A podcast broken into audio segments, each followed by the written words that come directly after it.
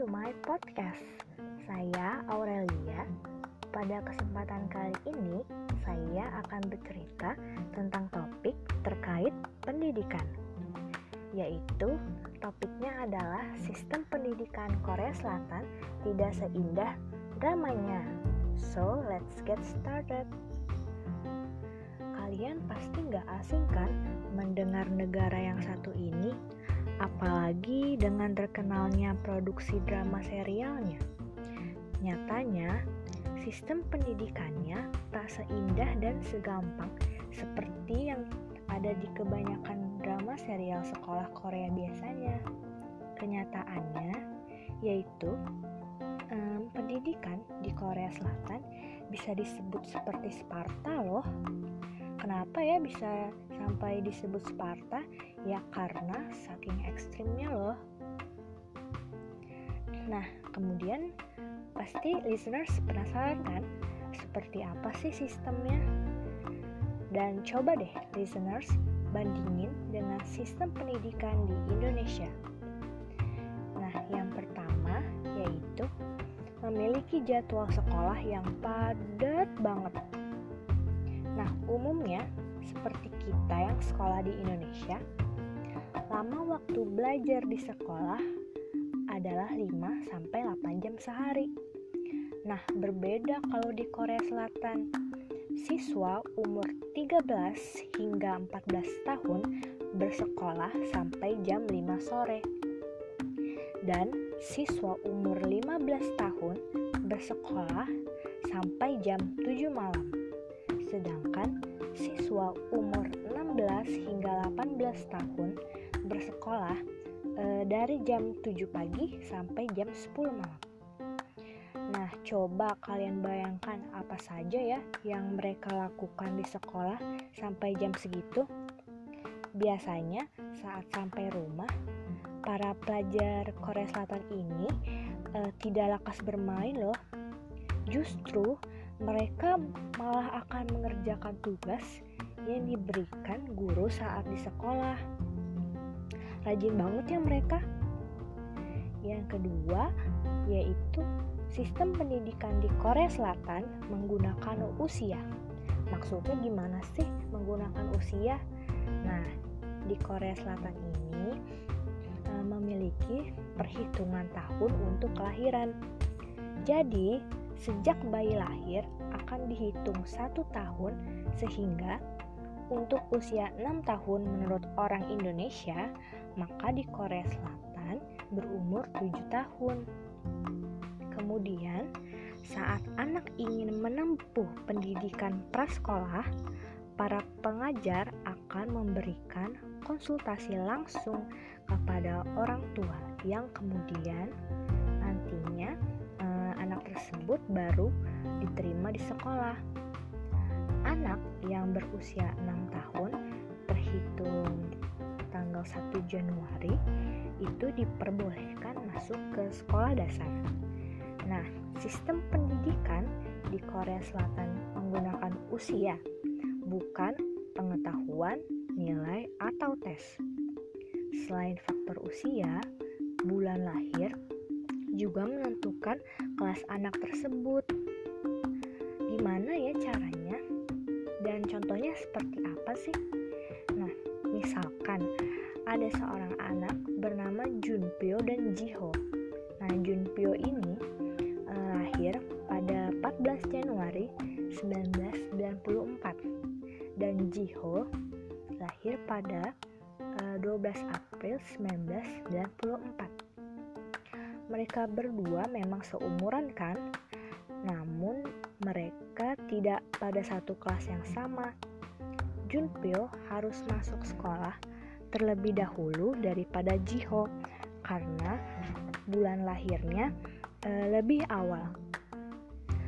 Nah, karena di Korea Selatan semester pertama e, dimulai dari awal Maret sampai dengan pertengahan Juli maka Jiho yang lahir di bulan April tidak dapat sekelas dengan Junpyo yang lahir di bulan Januari. Melainkan si Jiho ini akan menjadi adik kelasnya Junpyo. Nah, yang ketiga yaitu sekolah full sampai Sabtu. Listeners, kalian tahu nggak sih di hari Sabtu para pelajar Korea Selatan ini harus sekolah dengan jam pelajaran penuh loh. Nah, sampai saat ini hari-hari sekolah di Korea Selatan yaitu Senin sampai Sabtu. Bahkan nih, biasanya ada juga pelajar Korea Selatan yang pada hari Minggunya eh, bersekolah loh untuk mengikuti kegiatan ekstrakurikuler. Beda banget ya dengan di Indonesia, kita hanya sekolah dari hari Senin sampai Jumat saja. Walaupun biasanya eh, hari Sabtu juga kita masuk untuk kegiatan pramuka atau ekskul. Tapi kan yang terpenting hari Minggu kita pasti libur. Nah, yang keempat yaitu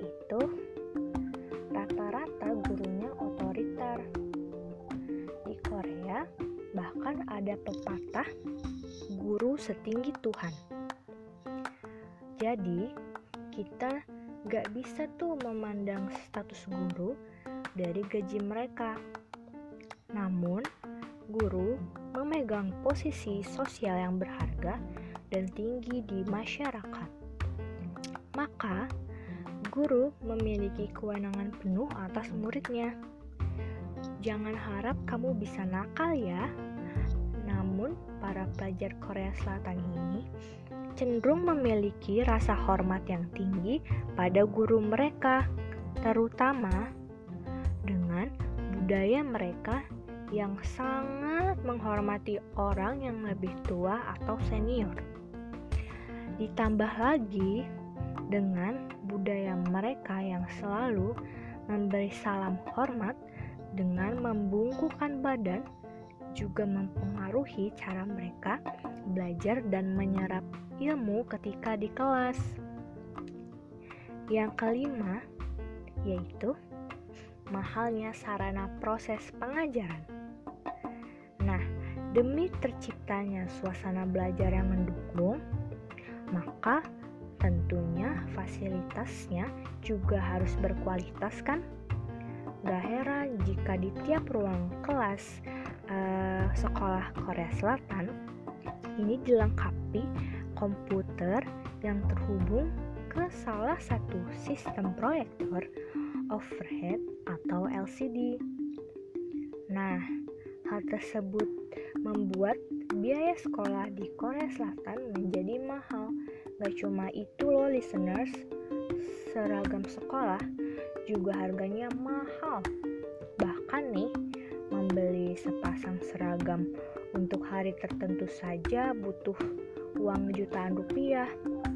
Jadi, gak heran deh jika seragam sekolah di Korea Selatan ini terkenal dengan memiliki desain yang unik dan lucu. Yang keenam, yaitu hukuman fisik berlaku. Kalau di Indonesia, guru memukul siswa maka guru itu pasti akan dituntut. Namun, hal tersebut berbanding terbalik dengan di Korea. Sistem pendidikan ini masih diberlakukan cara pendisiplinan secara fisik. Jadi hal lumrah bila melihat guru yang memukul siswanya yang nakal.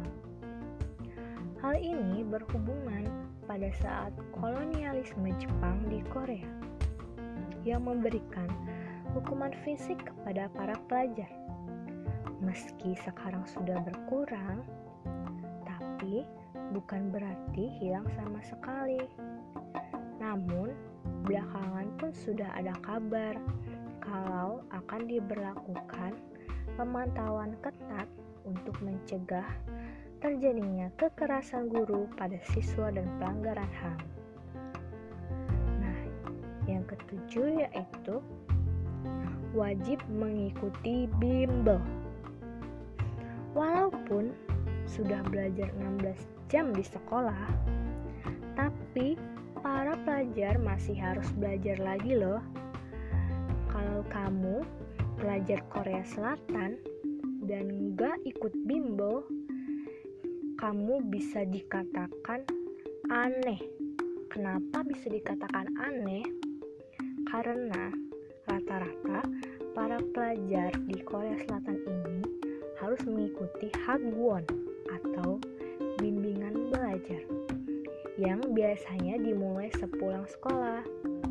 Jadi nih, buat murid SMA harus pulang ke rumah sekitar tengah malam. Nah, Hagwon ini tuh eh, gak cuma untuk pelajaran akademis saja, tapi keterampilan lain sampai olahraga dan kesenian pun ada meski bagus untuk mengembangkan kemampuan ya e, namun Hagon ini biayanya sangat-sangat mahal karena orang tua para pelajar e, di Korea Selatan biasanya bisa menghabiskan 500 ribu won sekitar 6 juta kurang lebihnya untuk Hagwon per bulan itu baru satu anak loh ya. Hagwon ini tersebar di sekitar 100 ribu lokasi seantere, seantero Korea Selatan loh. Nah, dan yang terakhir yaitu pentingnya ujian masuk universitas atau biasa disebut suning. Kira-kira pelafalannya seperti itu ya teman-teman. Maaf jika pelafalan Suning itu salah karena uh, saya melakukan riset dan terdapat berbagai macam variasi penyebutan kata tersebut. Nah, oke okay, kita lanjut bahas ya. Hal hal ini um, juga menjadi sangat menarik kan untuk dibahas sebab ada yang berbeda di Korea Selatan setiap hari Kamis minggu kedua di bulan November. Ada apa ya? Ya karena ada ujian masuk universitas ini yang disebut Suning.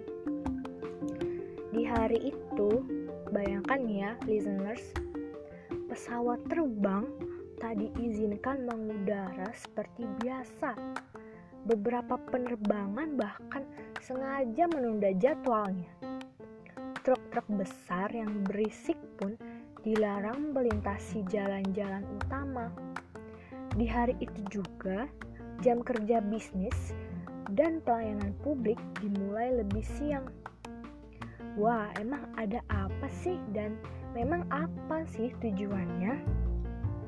Nah, tujuannya itu agar para pelajar ini yang menjadi peserta ujian suning ini tak terlambat tiba ke tempat tujuan yang istimewa untuk mengikuti ujian. Bahkan nih listeners, para polisi pun menjalankan tugas ekstra loh mengantarkan siswa yang terlambat sampai di destinasi.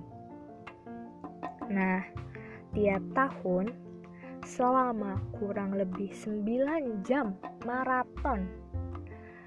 Para pelajar ini bertarung dengan ujian yang menentukan jalan hidupnya. Dalam ujian skolastik bertajuk Suning ini, kemampuan matematika, bahasa Korea, bahasa Inggris, sejarah, ilmu sosial, serta bahasa asing kedua di luar bahasa Inggris diuji hingga level maksimal.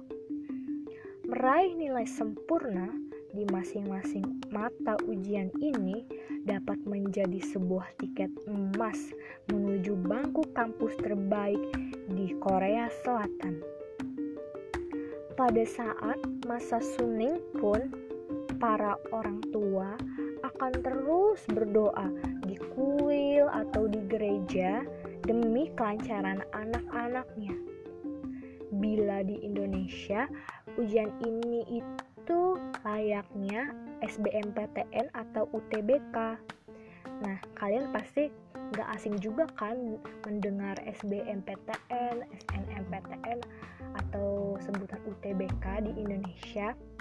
Ya, sama seperti Suning, yaitu ujian e, untuk masuk universitas. Nah, namun e, ujian Suning ini itu lebih sangat sulit dan kompleks loh.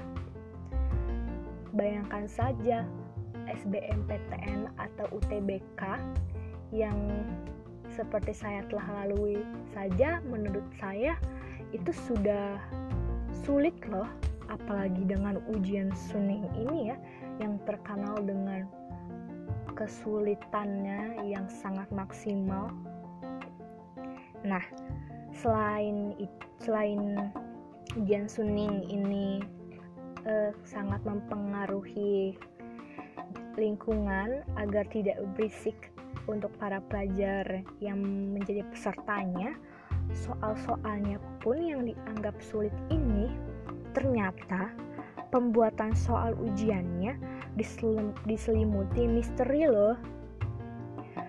Setiap September, sekitar 500 guru dari seluruh Korea Selatan dipilih dan dibawa ke lokasi rahasia di salah satu provinsi di pegunungan Gangwon.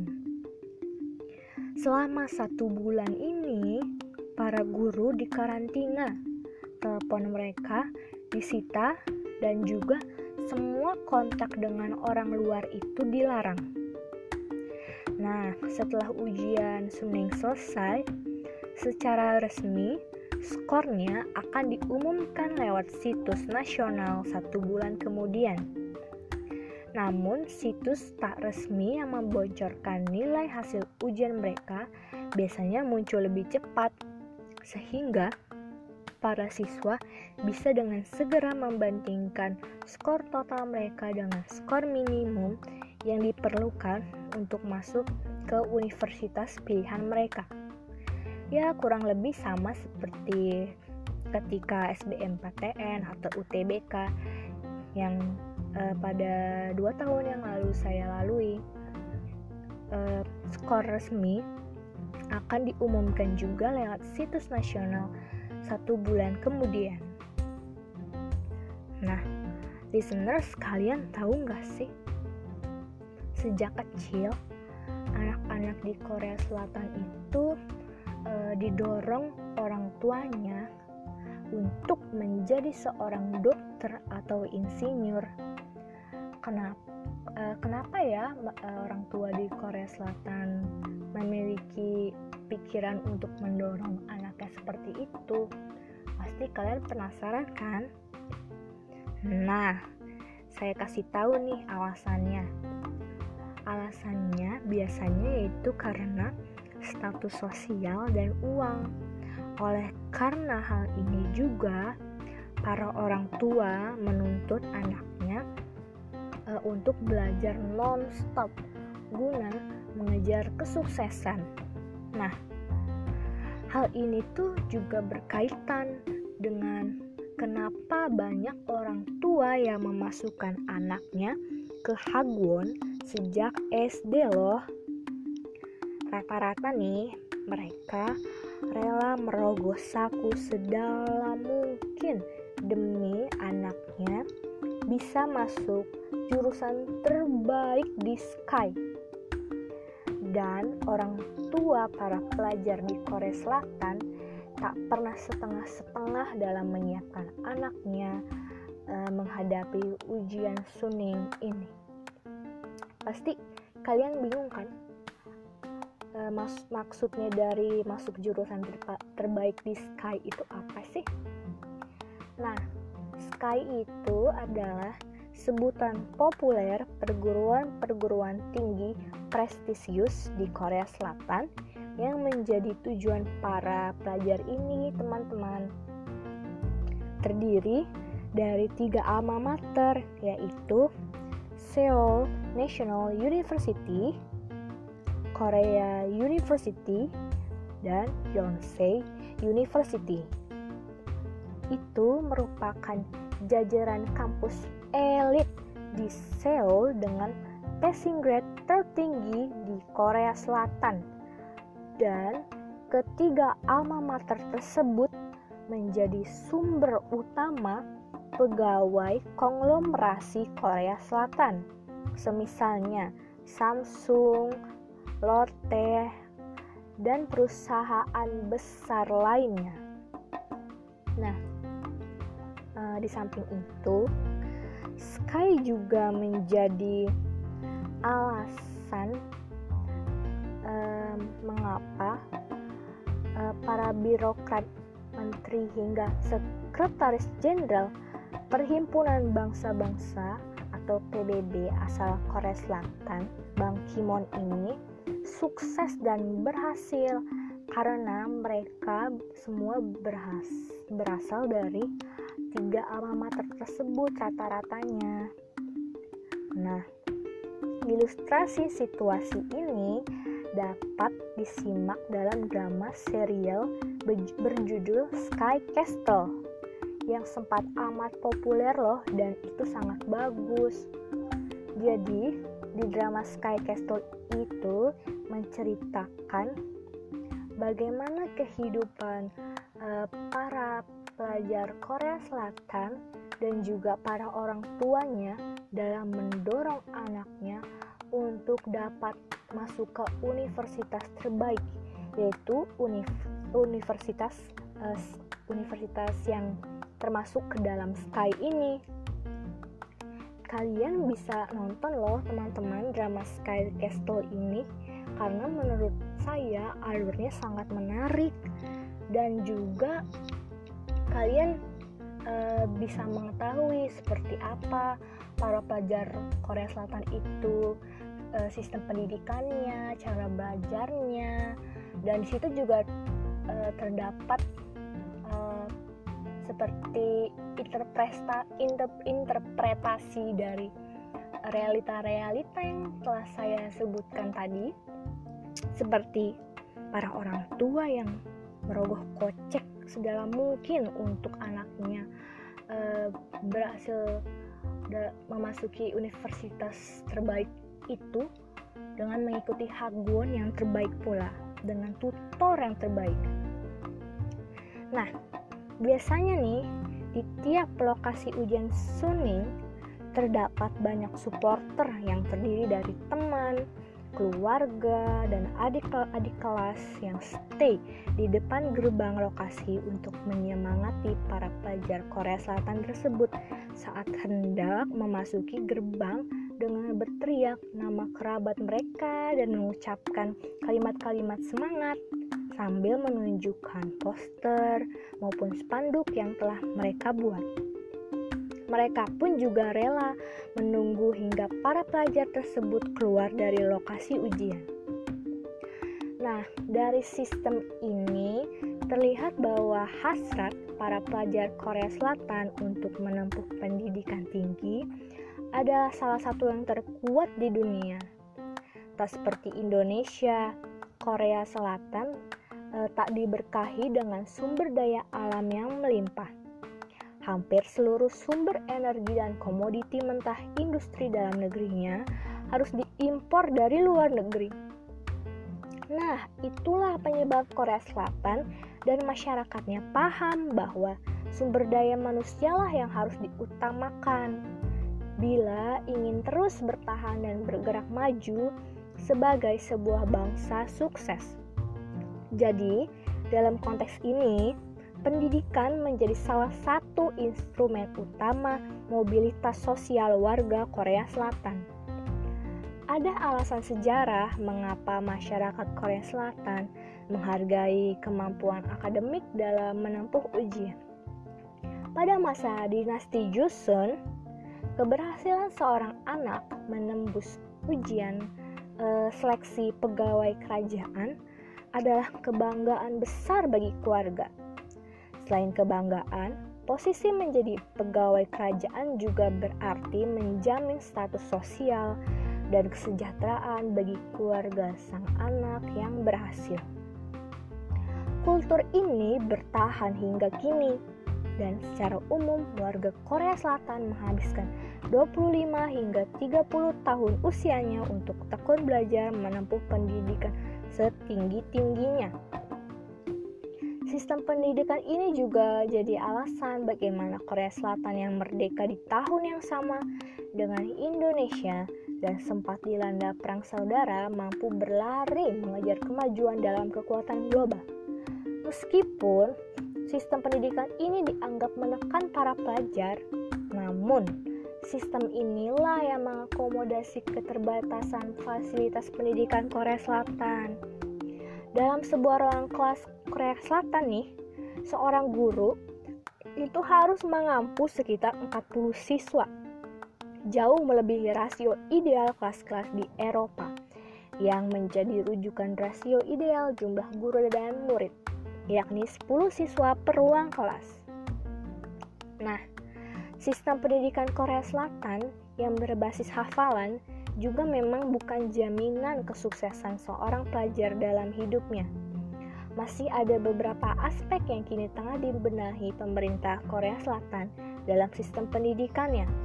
Di antaranya, kemampuan komunikasi, kerja tim, serta daya kreativitas yang nanti akan semakin menjadi tulang punggung revolusi industri. Nah, sudah sebuah tragedi bahwa Korea Selatan memiliki tingkat bunuh diri remaja akibat stres paling tinggi di dunia. Bunuh diri masih menjadi penyebab utama kematian remaja Korea Selatan berusia 9 hingga 24 tahun. Adapun e, penyebab bunuh diri ini dalam urutannya adalah kegagalan dalam ujian, masalah keluarga, kesulitan keuangan, dan kesepian. Setengah dari seluruh populasi muda Korea Selatan berusia 11 hingga 15 tahun mengalami stres dan frustasi dalam usahanya meraih pendidikan tinggi sebaik-baiknya.